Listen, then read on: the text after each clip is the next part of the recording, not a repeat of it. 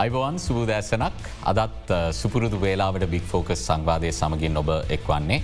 සතියන්තේ බොහෝ දෙනා නිවසට වෙලා ඉන්න වෙලාවේ අපි සූදනම් වෙන්නේ ඉතාම වැදගත් කාරණාවක් ගැන සාකච්ඡා කරන්න විශේෂම රටේ නීතිය හා සාමය සුරැකීම පිළිබඳව අවධානය යොමු කරද්දී. අද අපි මේ සාකච්ඡාවට බදුන් කරන දෙපාර්තමේන්තුවේ කාර්යභාරය අපිට සුළුකොට තගන්නට හැකියාවක් නෑ පසුගිය කාලසීමාව ගත්තම රටක් විදියට ශ්‍රී ලංකාව අභියෝග ගණනාවකට මුහුණ දුන්න.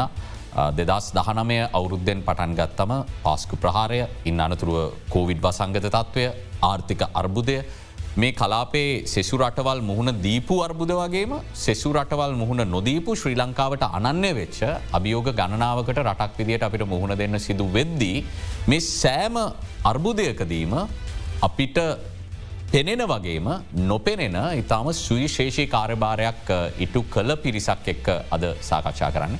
බෝවිට අපෙන් පවා ජනමාධ්‍යවලින් පමණක් නෙමේ ජනතාවගෙනුත් බොහෝවිට දෝෂාරෝපන එල්ල වනත් අද අපි කතාබා කරන්න සූදානමය සිරිනවා. කොයිතරම් අභියෝගාත්මකද මේ වගකීම ජාතිය වෙනුවෙන් ඉටු කිරීම කියන කාරණා පිළිබඳව. අද මෙරට පොලිස් සේවයේ එදා අද සහ හෙට දවස ගැන අපි සාකච්ඡා කරන්න සූදානමි සිටින්නේ. හෙට දිනේදී ජාතක පොලිස් දින යෙදිල තිබෙන නිසා අද බික් ෆෝකස් සංවාදය මේ වෙනුවෙන් අපි වෙන් කරනවා. අපි ආරාධන කලා පොලිස් මාධ ප්‍රකාශක ජේෂ්ඨ පොලිස් අධිකාරී නීතිජ නිහල් තල්දුව මහත්මයට අද බික් ෆෝකස් සංවාදයට අයිවන් කියලා ඔබතුවම් පිළිගන්න අයිවන් ඒත් එක්කම ජාතික පොලිස් අභ්‍යාස ආයතනයේ ප්‍රධාන පරිපාලන නිලධහරි ජේෂ්ඨ පොලිස් අධිකාරී නීතිංජ ජාලිය සේනාරත්න මහත්මයවත් අයිබෝන් කියල පිළිගන්න හිටපු පොලිස් මාධ්‍ය ප්‍රකාශිකවරෙක් මාධ්‍යයට අලුත් මුහුණක් නෙමේ. ඒවගේ අපි ශ්‍රී ලංකා පොලිස් අභ්‍යාස විද්‍යාලයේ අධ්‍යක්ෂ ජේෂ්ඨ පොලිස් අධිකාරී චන්ද්‍රසේන චයකුඩි මහත්මයට තැරයම් කලා ඔබතුමාවත් අයිබෝන් කියල පිළිගන්නවා. පොලිස් මාධ්‍ය ප්‍රකාශකතුමා අපි වෙනදාට පොලිසියෙන් ප්‍රශ්න කරද බොහෝවිට මේ වටපිටාවේ තියෙන කරුණු කාරණා ගැන ඔම රිජු ප්‍රශ්නහන්නේ පොලිස් පරීක්ෂණ සම්බන්ධයෙන් ප්‍රශ්නහන්නේ නමුත් අද වෙනසකරත් එක්ක පොලිසිය ගැන ප්‍රශ්නහන්න අපි සූදානම් වෙන්නේ. අපි ඉතිහාසයෙන් පටන් ගම ශ්‍රී ලංකා පොලිස් සේවය ගැන අවබෝධයක් ලබා ගන්නන ඉතිහාසය පිළිබඳව යම් කිසි අවබෝධයක් තිබීම වැදගත අප එතනින් පටන්ගත්තු. ඔව කලින්ද ප්‍රථමම ස්තුතිවන්ත වෙන්න ඕන හෙට දවසේ උදාවන එකන සැත්තැම්බර් තුන්වෙනිදට උදාවන එකසිය පනස්සත් වන පොලිස් දිනයට සමගාමීව මේ වැඩසටහන දෙරන නාලිකාවෙන් අප වෙනුවෙන් වෙන් කිරීම සම්බන්ධය. ට ඔබගේ ප්‍රශ්නයට එනවන්නන් කලින්දු ඇත්තටම මේ පොලිසිය කෙන සේවය ලෝක ඉතිහාසේ පුරාම මේ පොලිස් කියන නම්ම නොතිබුණත් අපි දන්නවා දැන් ලෝක ඉතිහාසේ. රජවරුන් ලෝකයේ රටවල් පාලනය කරන කාලසිමාව තුළත් අප දන්න රාජපුරුෂෝ හිටිය. චාරපුරුෂෝ හිටිය ගෙන හමුදාවට අමතරව. ගැන ගොඩාක් ඒ කාල සීමාවේ සිටම ලෝකයේ වෙනස්වමින් වෙනස්වමින් ඇවිල්ලා ශ්‍රී ලංකාවත් මේ තත්වම තිවල් ශ්‍රී ලංකාවේ රජවරු රටපාලනය කරන කොටත් පොලිස් රාජකාරය ඉටු කරපු යම් යම් නිල්ධාරි කණ්ඩායම කණ්ඩායම් හිටිය හැබයි පොලිස් නෙවයි පොලිස් කියන නම තිබුණේ නැමත ඒ හා සමානම ආරක්ෂක රාජකාරය ඒ වගේම මහජනතාවගේ ප්‍රශ්නවලට මැදිහත් වෙලා ඒ කටයුතු කරන නිලධාරි කණ්ඩායමක් හිටියා. බැයි මේ තත්ත්වය එක්දස් අටසිය දෙකේ සෙල්ලම පොලිස් කියන නම එකතු වෙනවා පොලිස් විධානය කියන නම මේ ලන්දේශ යුගයේදී. දොර්තමයි පොලිස් නම පොලිස් කියන නම භාවිතයට එන්නේ. ඊට පසු එක්ද සටසිය පහල විදි තමයි පොලිස් කොස්ථාපල් කියන තනතුරක් හඳුනල දෙන්න. ඊට පසුව මේක විවිධ විධ විදියට විකාශනය තාන්යන් යටතේ බිතාන්ය ඇවිල්ලා හොඳ දීර්ග ඉතිහාසයක් තියෙනවා මේ කාරණයේදී. මොද පෘතුගේස ලන්දේ ඉංග්‍රීසි කෙනව යටත්තිද කාලසීමවල් තුළම පොලිස් රාජකාරය කෙරුණා පොලිසේව කෙරුණම්කද ඒ යම්යම් අවශ්‍යතාවයන් සඳාපය එක දීර්ගව කතා කරන්න පුළන් දෙයක්. නමුත් අවසානිද ඇවිල්ල අපි එක්දස් අටසේ හැටහයේ සැත්තැම්බර් තුන්වෙනිදා මේ කියන පොලිසිය අද පවත්වන පොලිසිය නිර්මාණය වෙනවා විශේෂයෙන්ම එහි දිගුවත් තමයි අදගෙනකොට මේ තියෙන් ති අපි එකසිය පනස්සත සමරන්නේ අන්නය පදරන් කල්ලා. ති මේ වෙනකොට පොලිසියේ තියෙන කාර්යභාරයන් ගෙන සමාජයේ සිදුවන වෙපරයාසයන් එක්ක කලින්දු අපිට සිද්ධ වෙලා තියෙනවා විශාල හැඩ ගැසීමකට යන්න. මේ වෙනකොට ශ්‍රී ලංකා පොලිසිය දැන් ඒ කාල සීමාවතුළ ප්‍රධාන වශයෙන් ප්‍රධාන නගරවල නැත්තං මුල්ම කාල සීමාවේ මේ ලටත් විත කාල සීමාවේ ඒ විදේශකයන්ගේ විශේෂයෙන්ම මේ වැවිලි ද්‍රව්‍යවල ආරක්ෂාව සහ ඒවා ප්‍රවාහණය නිෂ්පාදනය වැනි දෙවල ආරක්ෂාව මුලික වනත් නගරවල යම් ආරක්ෂාවට මූලික වනත් අද වෙනකොට සියලුම ගම් දනව සිසාර පොලිසි ආරක්ෂාව සැපේනවා. පොලිස්ථාන හයසිය හතක් අපි ස්ථාපිත කරලා තියෙනවා දිවයිනම ආවරණයන පරිදි. මේ පොලිස් පොලිස්ථාන හයසිය හත අධීක්ෂණය කරනවා ඒ ප්‍රදේශවලට පත් කලා තියෙන සහකාර පොලිස් අධිකාරිවරුන් විසින් එක සහකාර පොලිස් අධිකාරිවරයෙක් යටතේ පොලිස්ථාන දෙකක් තුනක් අධීක්ෂණය වෙනවා. තර සහකාර පොලිස් අධිකාරීවරු කීපදනෙක් අධීක්ෂණය කරනවා පොට්ටාශ බර නිලධාරයක ගැන ජෙෂ්ට පොලිස් අධිකාරිවරයෙක් හෝ පොලිස් අධිකාරිවරය ඔහු යට තමයි සහකාර පොලිස් අධිකාරිවරයෙන් කටුතු කරන්න. තම ජේෂ්ට පොලිස් අධිකාරිවරුන් බොහ නියෝජ පොලිස් පතිවරයෙක් පත් කරනවා අපි පොලිස් පරිපාල දිස්ත්‍රික් අබාරව. මේ පරිපාල දිස්ත්‍රික්කය භාරවින නියෝජ පොලිස් පතිවරය යටතේ කොට්ටාශ එකක් හෝ දෙකක් ක්‍රියාත්මක වෙන එතකොට ඒයට ඉන්නවා ජේෂ්ට පොලිස් අධිකාරවරු දෙදෙනෙ කොට්ටාශ දෙකක් විතර බොහ වෙලාට සමාරලාට දිස්ටි කරන කොට්ටා තියනවා. ඒ අයට ක්‍රාත්ම කන පලත් බාර වන්න ජේෂ් නියෝජ පොලිස් පතිවරය. මේ සැකස්ම තමයි පලත් වශයෙන් ගත්තු තිනක ශේෂත්‍රී තියෙන් ප්‍රාදේශ වශයෙන් ක්‍රාත්ම කන ඒ ආකාරයට තොර කොට්ටාශ හතලිස් පහක් තියෙනවා පොලිස් කොට්ටාශ ප්‍රදේශ කොට්ටාශ. මීට අමතරව දන්නමක දැවන්ත ආයතනයක්. දැන් අසු පන්දහක්තර පොලිසි නිධාරින් ඊට සහය දක්වමින් එකතු වෙච්චි පොලිසිේෂකාර බලකාය සහ සිවිල් නිධාරින් එකතු කරහම ලක්ෂකට ආසන්න සංඛ්‍යාවක් මේ ආයතනතුළ ක්‍රියාත්ම මීට බලකයේ සමාජයෙන් කී දෙනෙක් වගේ ඉන්න සාමාන්‍ය. මේ වෙනකොට සාමාන්‍යෙන් අටදාහකට කිට සංඛ්‍යාවක් ඉන්නවා අපි නිශ්ිතව එක ආරක්ෂක අංශයක් නිසාට හරියට නිශ්ිතව අපට කරුණු දිපත් කරන නමුත් අටදාහකට ආසන්තකයාවක් මේ වෙනකොට ඉන්නවා. මේ කණ්ඩායමත් එක් පොලිසියේ පරිපාලනයක්තමට පස මොද පිරිස් පාලනය වෙනම තියන මේ ලක්ෂකට ආසන්නගේ කළමනා කරන පිරිස් කළමනා කරනයක් තින. මීට අතර අපි දන්න පොලිස් ස්ථාන වශන්තර මේ ගොඩනැගිලි වෙනම පරිපාලනයක්. ඒවගේම තමයි ඒ අයිට අයිති දේපල ඉඩ කඩන් මේ ගහකොල මේ සියලු දේවල් පොලිස් පරිපාන් අවියායුත. මීට අමතුර අපේ තව කොට්ටාශතන ඒ කොට්ටාශ අපි තින අසුවක් බෝ. මේ අසුව එකන සහයක දක්වන්න.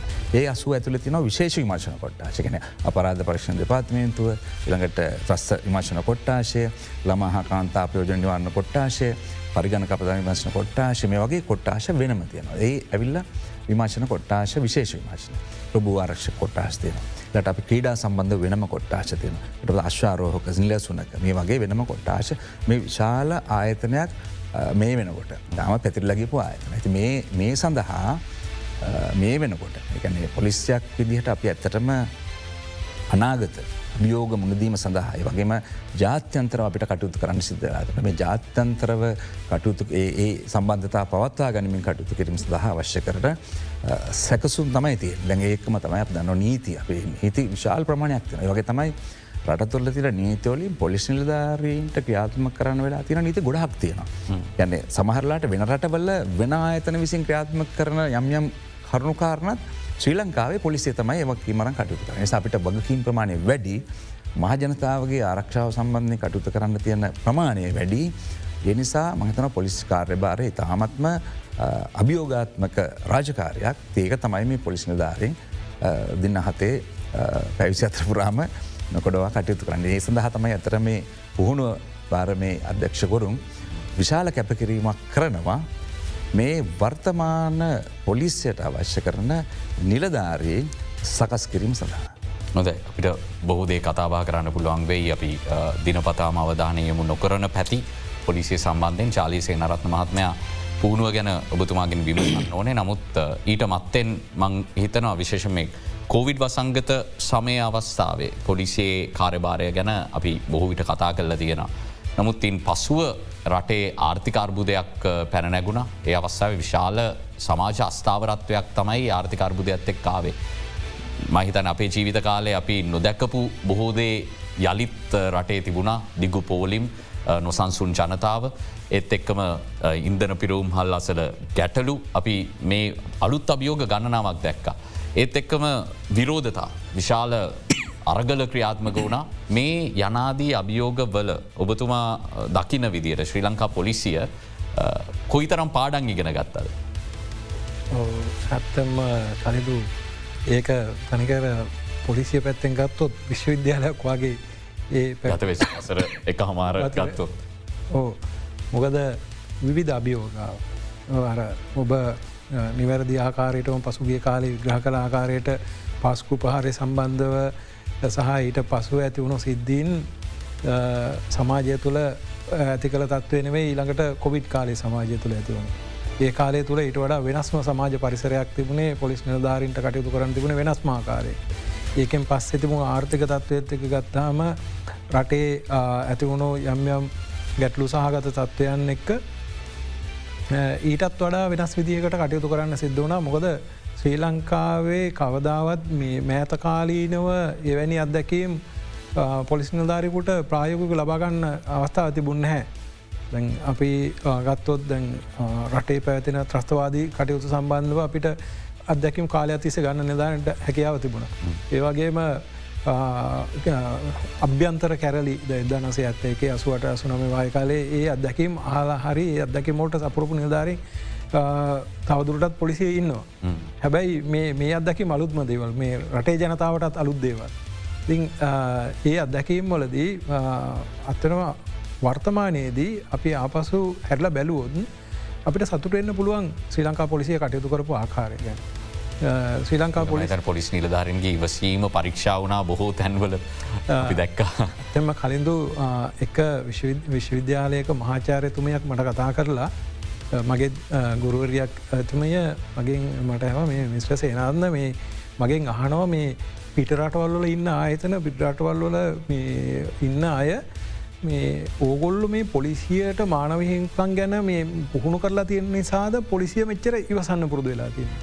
ොද පොලිස් නිලධාරීන්ට ඇවිල්ලා මූනට ඇවිල්ල බනිනවා මූනට කෙළගහල යනවා යුනිෆෝර්ම් එක අදිනවා වතුර ගහනවා මඩ වතුර ගහනවා තියෙන තැන් දන්නවා කියල කියනවා. ඉවල් තියෙන තැන් දන්නවා කියනවා නොයකුත් තර්ජන නොයකුත් ගර්ජන ඒවගේම අපහස කිරීම් ඊළඟට නොසලකා හැරීම් ඊළඟට පහත්තත්වයට ඇල්දැමීම් ඉතා විශාල වශයෙන් සිද්ධ වනා ඒක රැල්ලක් වගේ ගිය.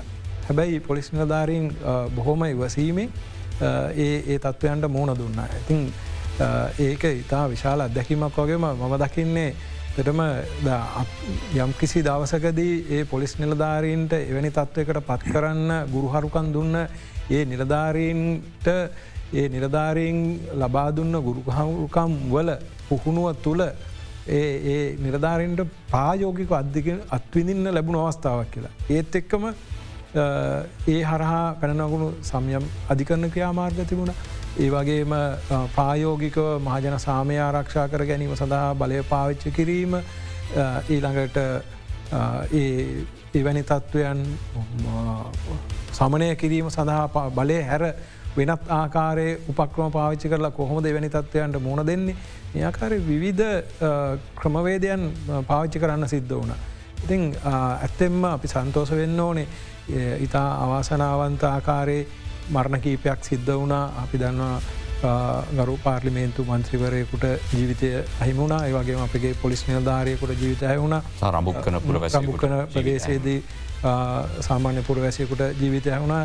ඒ ඇරෙන්න්නට බහුතරයක් අවස්ථාවලදී කටයුතු සිද්ධ වෙච්චි ආකාරය ගැන බලනකොට මේට වඩා ඉතා විශාලාකාරයේ වෙනත් ලෝකයේ එවැනි තත්ත්වයන් අපි නිරීක්ෂණකොට දරුණු හානි සිද්ධ වෙන්න දරුණු ගැටුම් ඇතිවෙන්න විනාශයන් සිද්ධ වෙන්න තිබුණ අවස්ථාවන් මැඩ පවත්වාගෙන ඒ තත්ත්වයන් පාලනය කරන්න පොලිසිට හැකිවුණ ඉතරම මම පෞද්ගලික විශවාස කරන දෙයක් තමයි අපි ඒ සියලු නිධාරන්ට ඒ ගෞරුවය දෙන්න ඕන ඒත් එක්කම ඒ තත්ත්වයන් සඳහා උදව් උපකාරව කළ විශාල මහජනතාවක් හිටිය. අපි දන්නවා ජන ගඟක් සමහර අවස්ථාවද යනවා හැබැයි එක පොලිස් නිධාරයකුටවත් අතවත් තියන්නේ කවරුත්. එක පොලිස් නිධාරයකුටවත් එක වචනයක් කියන්නේ සමහරවස්ත බොහෝ අවස්ථාවලදී. ඒ ගෞරවය ඒ පොලිස් නිධාරයකුගේ අන පිළිපදමින් මාර්ගේ මාරුවෙන තැනින් මාරුවෙන්න්න කිවහ මෙතනින් මාරුවමින් අනිතක ඔබතුමාද ඕක පැහැදිලි කරගෙන ඇද්දි. ගෑස් පෝලිමේ ආරක්ෂාවට සායතන නීතිය සාමය රකින්න සේවේ නිරත වෙලා ඉන්න නිලධාරයගේ ගෙදරත් ගෑස් නෑන ඔහුටත් ඒ ප්‍රශ්ටික ඒවිදිරහ තියෙන ඔහට ඔහුට සිද්ධ වෙලා තිබුණ නිවාඩු නොමැතිව රාජකාරි කර. ඒවිත රැක්නෙම ඔහුට ඔහුගේ ගෙදර ගෙදර හිස් ගෑස් ටැන්කේ පුරෝගන්න වෙලා ගුත්නයවට ොද ඔහු පාරේ එවැනි තත්ත්වයන් තිබුණේ ඉතින් ඒ තත්ත්වයන්ට ශ්‍රී ලංකා පොලිසිය මොනදීම අගේ කරන්න ඕනේ තිරුණු නිධාරය. අනිවාරෙන්. අපි යොමුවෙන්නේ ශ්‍රී ලංකා පොලිස් අභ්‍යාස විද්‍යාලයේ අධ්‍යක්ෂ චේෂ්‍ර පොලිස් අධිකාරී චන්ද්‍රසයන චයකොඩි මහත්මයට පොලිස් පුහුණුව ගැන අපි කතා කරම් බොහවිට ශ්‍රී ලංකා පොලිසියේ පුහුණුව ගැන විවිධ අය විවිධ විදියට මතපාල කරන ශ්‍රී ලංකාවේ හමුදාවේ පුහුණුවත් එක සංසන්ධනය කරන සමහරලාට. හමුදාවට තියෙන විදිමත් පුහුණුවට වඩා පොලිස් නිලධහරින්ට ලැබෙන පුහුණුව එතරම් විදිමත් නැහැ. මේ අනාදී වශයනුත් තියෙනවා මතවාද. මං ඒ ප්‍රශ්නය ඔබෙන් ඇහුවොත් ශ්‍රී ලංකා පොලිස් නිලධහරියෙක් පුහුණු කිරීමේ ඒ යාන්ත්‍රණය තුළ විනයගරුක සහ මේ මෙතුම කතා කරපු අභියෝගොලට මුහුණ දෙන්න පුළුවන් නිලධාරයෙක් ගොඩනගන්න පුළුවන් වැඩ සටහන තියෙනවා කියන කාරණාව කොමද ඔප පැහැදිලි කර. කලින්දු මේ ඉතා හොඳ ප්‍රශ්නයක් යොමුණේ මම හිතන්නේ මේ පොලිසියේ අපි පොඩ්ඩක් පස්සට ගිහිල බැලුවොත් අපිට දකින්නට තිබෙනවා මේ ප්‍රධාන වසෙන් යුග තුනක්. ඉස්සරලාම අපිට හම්බවෙනවා මේ අපරාධ පාලනය කරනගේ ක්‍රයිම් කන්ට්‍රෝල්ගේ අඳුරන්න. ඒ කාලේ හුඟක් වෙලාවට පොලිසිය අපරාධ මැඩ පැවැත්වේ පහරදීන් තුළි. ඊට පස ඒ යුගේ පසු කරගෙන නැවතෙනවා අපරාධ විමර්සනය කියන යුගයකට. එතකොට ඒ කාලය වෙනකොට හුඟක් පොලිසිය කරේ අපරාධ විමර්ශනය කරලා වැරදිකරුව සිරගත කරන. විමර්සනය ඉතාමත් තිවුණු අන්දමින් ක්‍රියාත්මකෝ. නමුත් අද වෙනකොට ඒ යුගයක් පසු කරමින් තවත් යුගයක් කරා ගමන් කරන. එතකොට ඒ ඒක කියන අපි ප්‍රජා පොලිස් කරන එක. එතකොට එතනදී ඇත්තට මර crime control crime investigation community policing community policing කියන එකේදී හුඟක් කලාවට කෙරෙන්නේ අර අපරාධ විමර්ශනයටත් එහා ගියපු දයිවර්සන් කියලා. අපරාධයක් සිදුවෙන එක වෙනත් පැත්තකට යොමු කරගන්න පුළුවන් අපරාධ කරන සමාජයක් ෝලිබෝල් හරි ක්‍රීඩා හරි කරන සමාජ බවට පරිවර්තනය කරන්න පුළුව. එවට අන්න ඒ වගේ කර්තාවයකට අවශ්‍ය කරන මිනිසුටික තමයි අපි නිස්පාදනය කරන්න වෙලාතේ. පොලිස් විද්‍යාලය තුළ.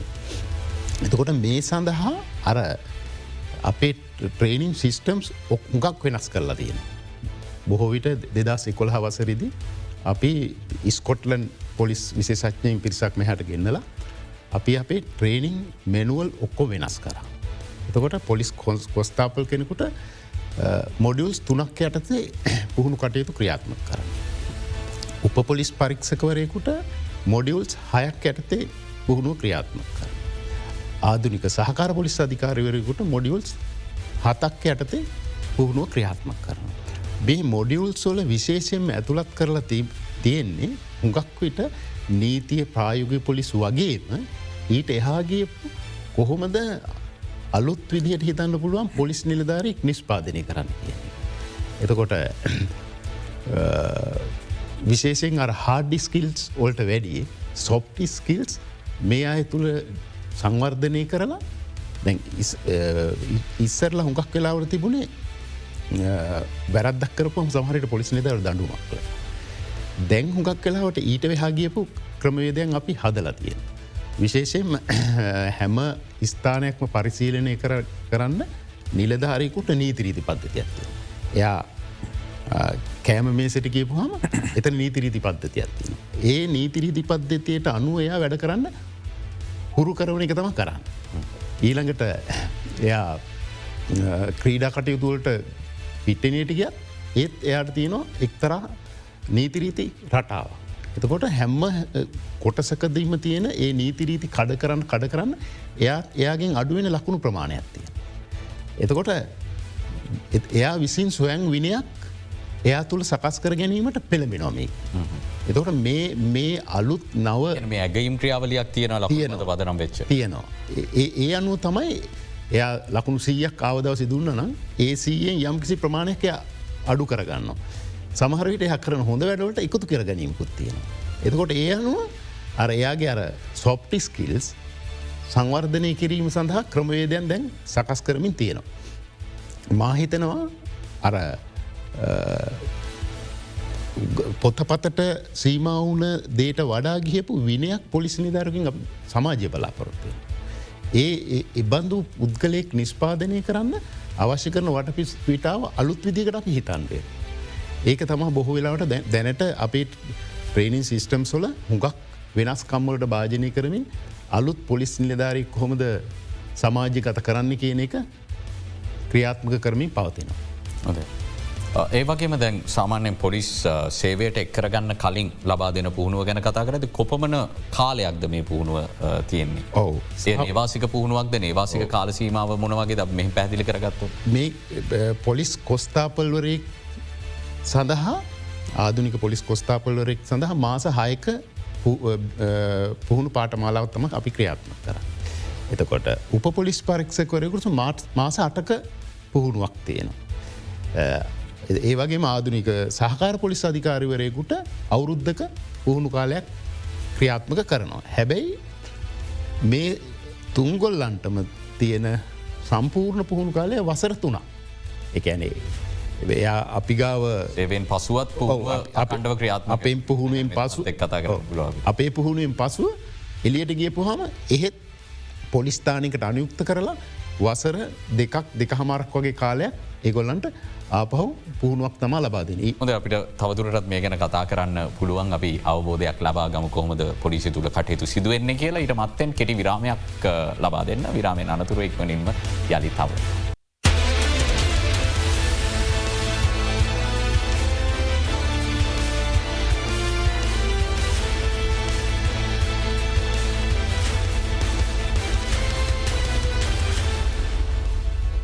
ඔබයාලිත් බික් ෆෝකස් සමගින් අපි ශ්‍රී ලංකා පොලිසිය සම්බන්ධයෙන් සාකච්ඡා කරන්නේ හෙට යෙදී තිබෙන ජාතික පොලිස් දිනයට සමගාමීව. අපි විරාමයට කලින් කතාබහ කලා සැකවින් කොහොමද පොලිසේ පුහුණුව සිදුවෙන්නේ කියන කාරණාව පිළිබඳව තව බොහෝදේ පැහදිලි කරගන්න තියෙන ම යලි තොමුවෙන්නේ පොලිස් මාධ්‍ය ප්‍රකාශක ජේෂ පොලිස් අධිකාරය නීතිජ නිහල් තල්දුව මහත්මයට පොලිස් මාධ්‍ය ප්‍රකාශකතුමා අපි වර්තමානය ගැන අවධානය යොමු කරද්දී. ශ්‍රී ලංකා පොලිසිය මුහුණ දෙන ප්‍රධානතම අභියෝගයමොකක්ද කියලමං ඇහුවොත් ඔබතුමාලට එවැනි හඳුරා ගැනීමක් තියෙනද මේක තම අපි මුණදෙන් ප්‍රධානතම අභියෝගය. මෙහෙමයි කලින්ද මම කලින්කිවගේ පොලිසිය කැන්නේ විශාල ආයතනයක්. අපේ කාර්යභාරය ඉතාම පුළුල් තම පුළුල් විදිහට තමයි ක්‍රියාත්මක වෙන්නේ. ඒ නිසා අපිට මෙන්න මේ අභියෝගය තමයි ප්‍රධානම අභියෝගය කියන කාරණය අපිට එහම විශේෂයෙන් හවා දක්වීම හැකියාවක් නැහැ. නමුත් අභියෝගයක් විදිට අපි අභියෝ පොලිස් රාජකාරය සමස්තයක් විදිට අභියෝගාත්මක රාජකාරයක් තියෙන මොන්න අපරාධීමශනයට ගියත් එම නැත්තං වෙනත් වෙන රාජකාරයකට ගිය සමන අපදා කළමනා කරනය පැත්තගත් අභියෝගාත්මකයින්න මේ හැම කාරණයක්ම. ද ගිනිගන්න ගොඩ නැගිල්ලක ඉස්සල්ලම දුරකත නැමතු වෙන්නේ පොලිසියට. ඊට පස්සේ තමයි පොලිසියනුත් තහවරු කරල තමයි ගිනිවෙන අංශයක් එතෙන්ට එන්නේ. තිනිසා හැම කාරණයක් අභියෝගත්ම අපි මුලින්ම රඟාවෙන පුද්ගල විදිහට ඒ ගිනි ගන්න ස්ථානය කවර රිනවන අපිට වගේ වගකීමක් තියෙනවා.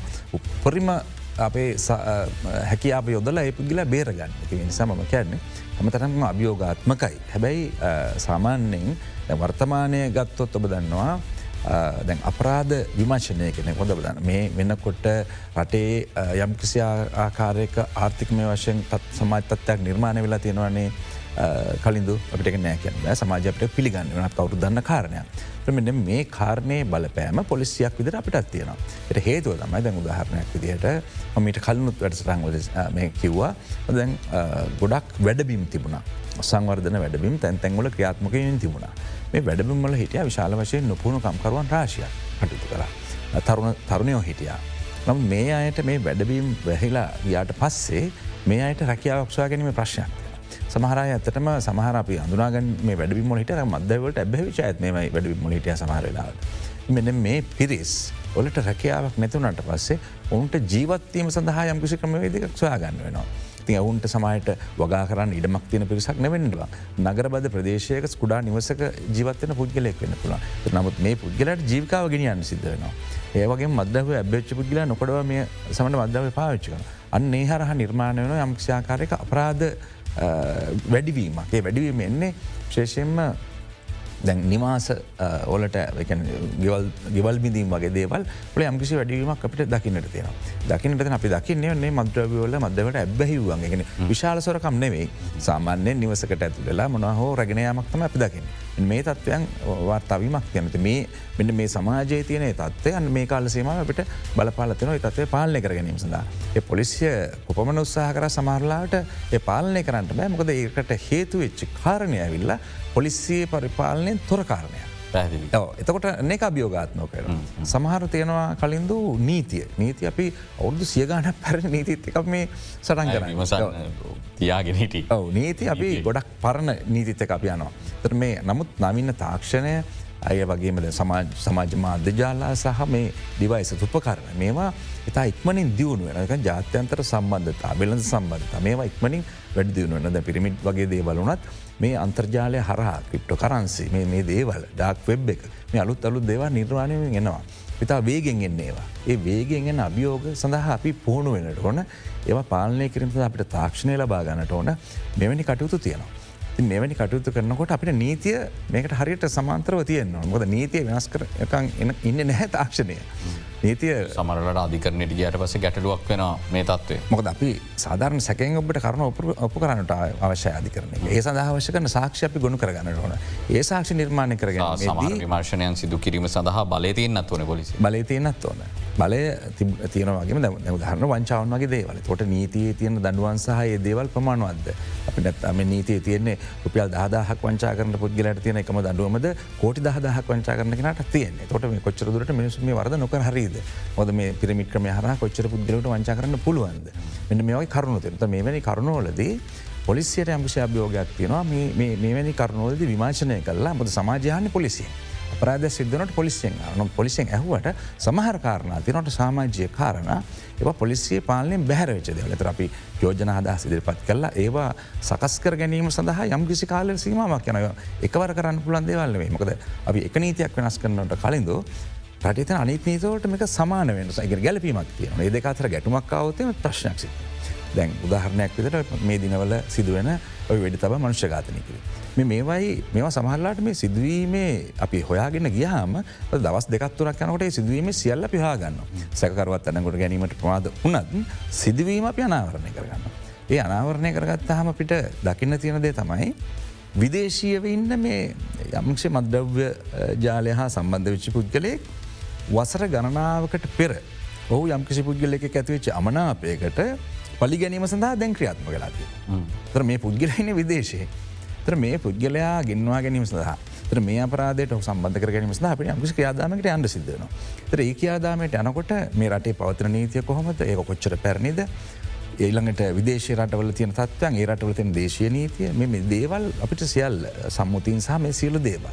ඒ රටවල් අතර තියෙන ය දීපාශික අපිට අලුතෙන් සමට ගියසුම්වලට යන්න සිද්ධවන බෞපාර්චික ගියසුම්වලට යන්න සිද්ධව කලාපිය වශයෙන් තිය දේවලට සලකා බලන්න. මේ සියල්ල එකතු කරගෙන තොට අපට අමාත්‍යංශ ගණනාවක් සම්බන්ධ විදේශකටු අමාත්‍යංශය රාජ්‍යාරක්ෂක අමාත්‍යංශය මහජනාරක්ෂක අමාත්‍යංශය නීතිවත දෙපාර්තමේන්තුව අධිකරන අමාත්‍යංශ මේෝගේ අමාත්‍යංශ රාශයක් අපිට ගොුණු කරගෙන තමයි මේ කටුතු කරන්න. මෙ මේවා එක්ක අපි මේ අභියෝගය වැඩි තියපු ගමන් පොලිසියෙන් පොලිසිය ඇතරම අපිට වගේ මක්තියනට පැදිලීම අපරාධ මර්ධනය සයන කාරණ පිබ රිජුවගක අපිට තියෙනවා. නමුත් එහිදී මේ දේවල් අපේ අනාගතය සඳහා අපිට සූදන්න වෙන්න වෙනවා. මේ සඳවල් මේ වන්නකොට අපි යම්කිසිආකාරයකට සාකච්ඡා කරමින් ඒවට අවශ්‍ය කරන කොහොමද මේට මුණ දෙන්නේ කියලා අවශ්‍ය සැලස්සුම් ක්‍රියාත්මක වෙනවා නමුත් එක්තරා විදිය කලින්ද මේවා මේ දේවල් කාලීනව තියෙන දේවල් පොලිසියත් එක්. පැහැදිලි. චේෂ්‍ර පොලිස් අධිකාරි චාලී සේනරත්න මහත්මයට මයි යොමු වෙන්නේ තැන් මෙතුම සඳහන් කර මාස හයක පුහුණුවෙන් පස්සේ පුහුණු එතනින් අවසන් වෙන්න නෑ වසර තුනක කාලයක් මේ පුහුණු කාලසීමාව දීර්ක වෙනවා කියලා. සේවේ පිහිටුවට පස්සේ මොන වගේ පුහුණුවක්ද උන්ට ලබා දෙන්න. එහිදී ඔවුන් තුළ සපුරන්නට බලාපොරොත්තුවෙන ගුණාංග මොනවද. ඕකලද අපේ පූලික පුහුණුවෙන් පස්සේ ක්‍රම කීපයකට අපි ඒ නිලධාරයෙන් පොලිස් සේවේ යෙදෙන ගමන් පුහුණු කරනවා. පළවෙනිම කාරණය මූලික පුහුණ වැදි කරනවා සාමාන්‍ය පුරවැසියෙක් පාසලෙන් අවුට්ටුච්චි දරුවෙක් පොලිස් නිලධාරයෙක් හැටියට යම් කිසි පරිවර්තනයක් කරනවා පොලිස් විද්‍යාලයේදී. ඒ නිසා තමයි අයට ගෙදර යන්න දෙන්න ඇතුව එය අය තියා විද්‍යාලයම නේවාසිකව තියාගෙන ඒ පරිවර්තනය කරන්නේ පොලිස් විද්‍යාලය. හැබැයි පොලිස් නල්ධාරය හැටියට පරිවර්තනය කළත් තව අවුරුදු තුනක් යනකං එයාට පරිවාස කාලයක් තියෙනවා. මේ පරිවාස කාලයේ තුළදී අපිට කර්තාවයන් දෙකක් තියෙනවා. එකක් තමයි ඒ අයට පොලිස් දැනුම ලබා දෙන්න ඕනේ ප්‍රායෝගික ේත්‍රයට ගිහිල්ල කොහොද පැමිණිල්ලක් ලියාගන්න කොහොද පැමිල්ලක් විභා කරන්නේ කොහොමද කටඋත්තරැල් ලියන්නේ ඊළඟට කොහොඳ මොර සංචාරය යන්නේ මේ හැමදේම අපි ප්‍රායෝග පුහුණු කරන්න. ඒ අතරම අපිට තව වැදගත් කර්තාවයක් තියෙනවා ඒ පරිවාස කාලය තුළදී මෙම නිලධාරයා රාජ්‍ය සේවේ තවදුරටත් ඉන්න සුදුසු තත්ත්වයට පත් කරන්න. ඒ සේවේ ස්තර වෙන්න කලින් එයා රාජ්‍ය සේවේ තියෙන අභියෝග රාජ්‍ය ප්‍රතිපත්ති ක්‍රියාත්ම කරන්න ඊළඟට රජයේ අරාජයේ අරමුණු ක්‍රියාත්ම කරන්න සුදුසු තත්වයට පරිවර්තනය කරන්න.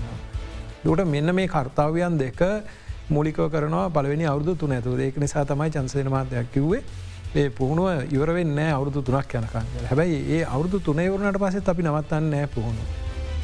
විශේෂයෙන් මර ඔබතුමා කලින් ඇහෝ ප්‍රශ්නදී අභියෝගය ගැන කතා කරනකොට අපට තියෙනවා විශාල අභියෝගය.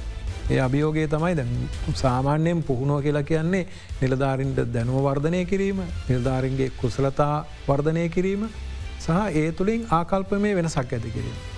තුරුව අපිට තාක්ෂණික වශයෙන් හෝ වෙනත් ආකාරයෙන් හෝ එහෙම නැත්තං නිලධාරීන් කැඳවලා ඒ නිලධාරන්ගේ දැනුවර්ධනය කරන්න ක්‍රම තියෙනවා ගොඩා. ඒ හර අපි හැම ක්‍රමයක්ම පාච්චි කරන අපි ඇතරම තාක්ෂණක ඔන්ලයින් තාක්ෂණය ඔසේ පහපුුණු කටයුතු කරනවා. ඒවගේම ප්‍රායෝගික කුසලතා වර්ධනය කරන්න ඕන නිධාරින් කොහොද ප්‍රකාශයක් ලියාගන්නේ? කොහොමද අපරාධස්ථානයක් ආරක්ෂා කරන්නේ? කොහොද අපරාධස්ථානයක තියෙන අවශ්‍ය සාක්ෂි හොයාගන්නේ? ඒ සාක්ෂි කොහොඳ විනාශවෙන් නැතුව ආරක්ෂා කරගන්න ඊළඟට ඒ සාක්ෂි කොහොමද ඒ අධිකරණයට ගෙනියන තාකල් සාක්ෂිධාමය බිඳ වැටෙන් නැතුව අතින් අතර මාරු කල රස පරික්ෂ දෙපාර්තමේන්තුඩෝ විස සඥයකුට ඇවල අධිකරණයට ගෙනියන තාකල්ලේ ආරක්ෂා කරගන්න සාක්ෂිධාමය මේවාගේ ප්‍රායෝගිකව අපි කටයුතු කරන්න ඕනේ ක්‍රමවේදයන් පුහුණු කරන. හැබැයි මේ දෙක කලාට මේ අර අභියෝගේ සම්පූර්ණ වෙන්න. ඒ අභියෝගය තමයි ඒ තුළින් අපිට හැකියාව ලැබෙන් ඕනේ ආකල්ප මේ වෙනසක් ඇති කරන්න සාමාන්‍ය පුරවැසේ කැටියට ඇවිල්ල රාජසේවකය කැටියට පරිවර්තනය වන ඒ තැනැත්තා මහජනතාවගේ අවශ්‍යතාවයන්ට ගැලපෙන පරිදි. රටේ තියෙන කාලීන අවශ්‍යතාවයන් හඳුනාගෙන ඒ අවශ්‍යතාවයන්ට ගැලපෙන පරිදි සේවාවක් ලබා දෙන්න පුළුවන් මානසික තත්ත්වයක් ඇති කරන්න මේක තමයි අභියෝග ඇත්තටම අපිට තියෙන. ද දැනුම ලැබුණටම කුසලතාව වර්ධනය වුණටම ඒක එන්න එක වැරදිආකාරයට පාච්චි කරන්න පුළුවන්. හැබැයි ඒක රටේ තියෙන යහපතට රටේ තියෙන අවශ්‍යතාවයන්ට මහජනතාවත් එක්ක සමීපෝ මහජනතාවත් එක්ක ගැටෙන් නැතුව මහජනතාවගේ අවශ්‍යතාවයන් හඳුනාගෙන ඒවා තෘප්ත වෙන ආකාරයට කොහොමද මේ සේවාව සපයන්න කියන එක. තින් දැන් විශේෂ වැඩ පිළිවල සඳහා අපි ක්‍රියාත්මක කරගෙන යනවා සමාරවස්ථාවලද අපි විදේශීය විශේෂඥයන්ගේ ආභාෂය අරගෙන ඒ අගේ දැන් ගුරු හරුකං අරගෙන අපේ තියෙන පුහුණු ක්‍රමවේදයන් වෙනස් කරලා තියෙනවා වෙනස් කරගෙන යනවා ඒත් එක්කම රටේ ලෝකයේ තියෙන වෙනත් උසස් පුහුණු ආයතනත් එක්ක සම්බන්ධ කර වෙලා ඒ ආයතනවලට අපේ පුහුණුකරුවන් යොමු කරලා ඒ ආයතන කොහොමද මෙවැනි තත්වයන්ට මුණ දෙන්න මේ හඳුනාගන්න කොහොම හඳුනාගෙන තියෙන දැන්ට තින තත්ව අතර වෙනස කොහොද මේ හඳුරගන්න ඒ වෙනස පුරවාගන්න මොනවද පාචි කරන්න පුළුවන් ක්‍රමවේදයන්? මෙන්න මෙයා දේවල් අපි පුහුණු කරනවා. මීට අමතර අපේ නිරධාරිනුත් අපි යොමු කරලා වෙනත් රටවල් වල හොඳ පුහුණු කටයුතු සිද්ධ වෙන හොඳ පොලිස් සේවාවන්තියන රටවල්ල ඒ අය කොහොමද කල්පනා කරන්න ඒ අය කොහොඳ වැඩ කරන්නේ ඒ ඒ සඳහා ලබාගන්න තියෙන දැනුම මොනවද මෙන්න මේ දේවල් පිළිබඳ සහ ඒ ආයතනක සම්බන්ධතාවයන් ඇති කරන්න අපි කටයුතු කරලා තියෙනවා. මේ ආකාරයෙන් තමයි අපි මූලික පුහුණුවෙන් එන නිලධාරයෙන් සමාජයට අවශ්‍ය සමාජ සුභසාධනය ඉෂ්ට කරන්න පුළුවන් රටේ නීතිය හා සාමය පවත්වාගෙන යනගවම්ම රටේ සංවර්ධන අවශ්‍යතා තියෙනවා. ඒවට ගැලපෙන විදිහට ඒ සමාජය යන අතරේ කොහොමද මේ නීතිම සාමය ආරක්ෂා කරන්න කියන කාරණය සඳහා අපි සූදානන් කරන්නේ. හොඳයි. අපි තවත් කෙටි විරාමයකට යොම වෙන විරාමෙන් අනතුරුව යළිත් ඉක්මනින් වික් ෆෝක සංවාධයක් සමඟ හමු.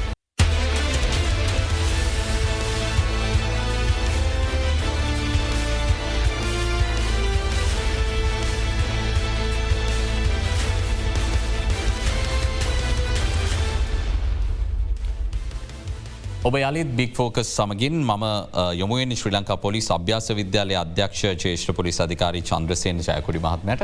අපි සංඛ්‍යාත්මකව කතා කරදි වාර්ෂිකව කොපමන පිරිසක් අලුතෙන් පොලිස්සේවයට බැඳීම සඳහා මේ අභ්‍යාස විද්‍යාලයට ඇතුළෙනවාද වාර්ෂිකව කොපමන පිරිසක් විශ්‍රාම ගන්නද විශේෂම ඔබතුමාලට එන්න සංඛ්‍යාව ගැන අපි කතා කර.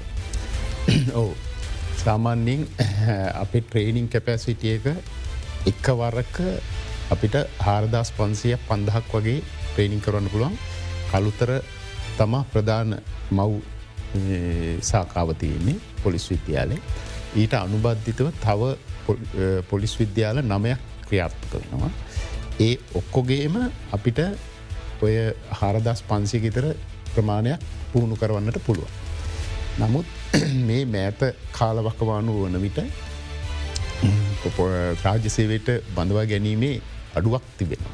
නමුත් දැනට දෙදහක ඉතර ප්‍රමාණයක් ඔක්තෝම්බර් අවසානය නොවම්බරවල දීතර අපහ බඳවා ගැනීමට කටයුතු සූදානම් කරලා තිබෙනවා. තින් දෙදහක ප්‍රමාණය අපිට එකවර වුණත් තරගෙන පුහුණු කරවන්න පුළුවන්. නමුත් පසුගිය කාලවකවානුව තුළ පොලිස් සේවාවේ විශාල පරිම විශාල වසින් විශ්‍රාම ගයා ගත් කට්ටි විදේශ ගත වුණ නොයකුත් දෙවල්ලෝට ගියා සේවේ. එනිසා විශාල වසෙන් සේවේ ඉන්න නිධාරි ප්‍රමාණය අඩුවමින් පවති. තකොට ඒ නිසා එකවර පහලොස් දහක් වගේ ප්‍රමාණයක් බඳව ගැනීම් කටයුතු කඩිනමින් කරන්න සිදුව. එහෙම කොටසකුත් තිබුණ. නමුත් දැම් මේ කාලවකවානු තුළදී පලුස්සාහ ඒ අනුව බඳවා ගන්න කටයුතු කරාද බඳව ගැනීමට කටයුතු කලා ඉක්මනින් ඉක්මනින් ඒ කාලවකවානු තුළ නමුත් අර අපි දන්නවා කෝවිඩ් කාලවලදී අර මේ අපේ ට්‍රේනිින් කටයුතු බොහෝ වෙලාවට ඇත්තරම අඩ පන වෙලා ගිය. නමුත් දැන් ඉදිරියේදී අපිට දෙන ප්‍රමාණයට අනුව අපිට පුහුණු කටයුතු ක්‍රියාත්ම කරන්න පුළුවන් පරිසරයක් සකස් වෙලා තිබෙනවා. එතකොට පුහුණුව කියන එක ගත්තහම ඇත්තවසයෙන්ම මේ ජාලි මහත්මය කිව්වෝ වගේ අර දැනුම කුසලතා අකල්ප මේක හරි වැදක. එකන්නේ අපි ගේන්නේ සමාජය ඉන්න දරුවෙක් පොලිසියට අරගෙන. එයා අපිට පොලිසියට අවශ්‍ය කර නිලධාරික්වට පරිවර්තනය කර. අනිත් රාජ්‍ය සේවාවන්ගොලටත් වැඩිය පොලිසිය කියන රටේ නීතිය ක්‍රියාත්ම කරන ප්‍රධාන මාහිතය. එතකොට නීතිය ක්‍රියාත්මක කරන නිලධාරින් ගැන අනිත් පැත්තින් බැලුවත් රටේ ජනතාවගේ විනය හදන පිරිසක්. තකොට ඒ විනය හදන පිරිස ගේ විනේ කොච්චර හොඳට අපි බලන්න වෙනවා. එනිසා තමයි අපි කියන දැනුම කුසලතා ආකල් සාමාන්‍යෙන් මම එක ට්‍රේනි ප්‍රෝගෑම් එක ලැංකසෙරෙක් සම්බන්ධ වෙලා කරනකොට ඒගොල්ලො කියන්නේ දැනුම කියනක සිය දහයක් ප්‍රමාණවත්.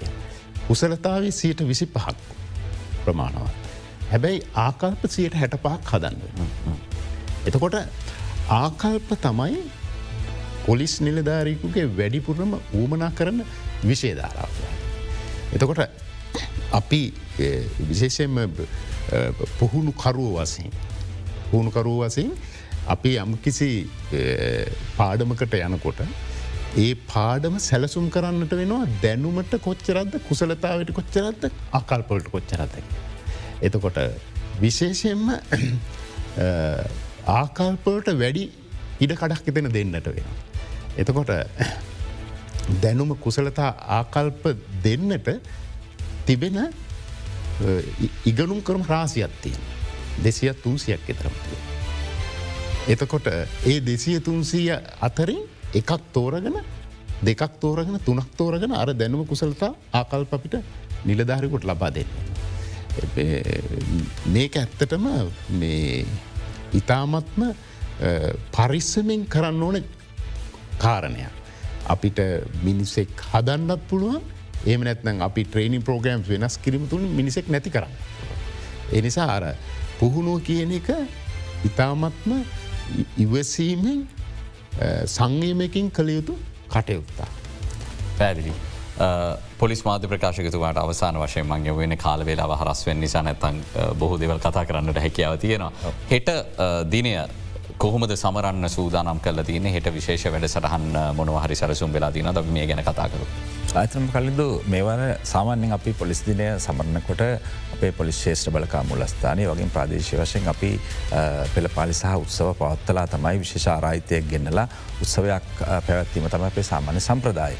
නමුත් මෙවර ඉන් බැහැරව ශේෂන් පොලිස් පත්තුමාගේ පොලිස් පරිදි.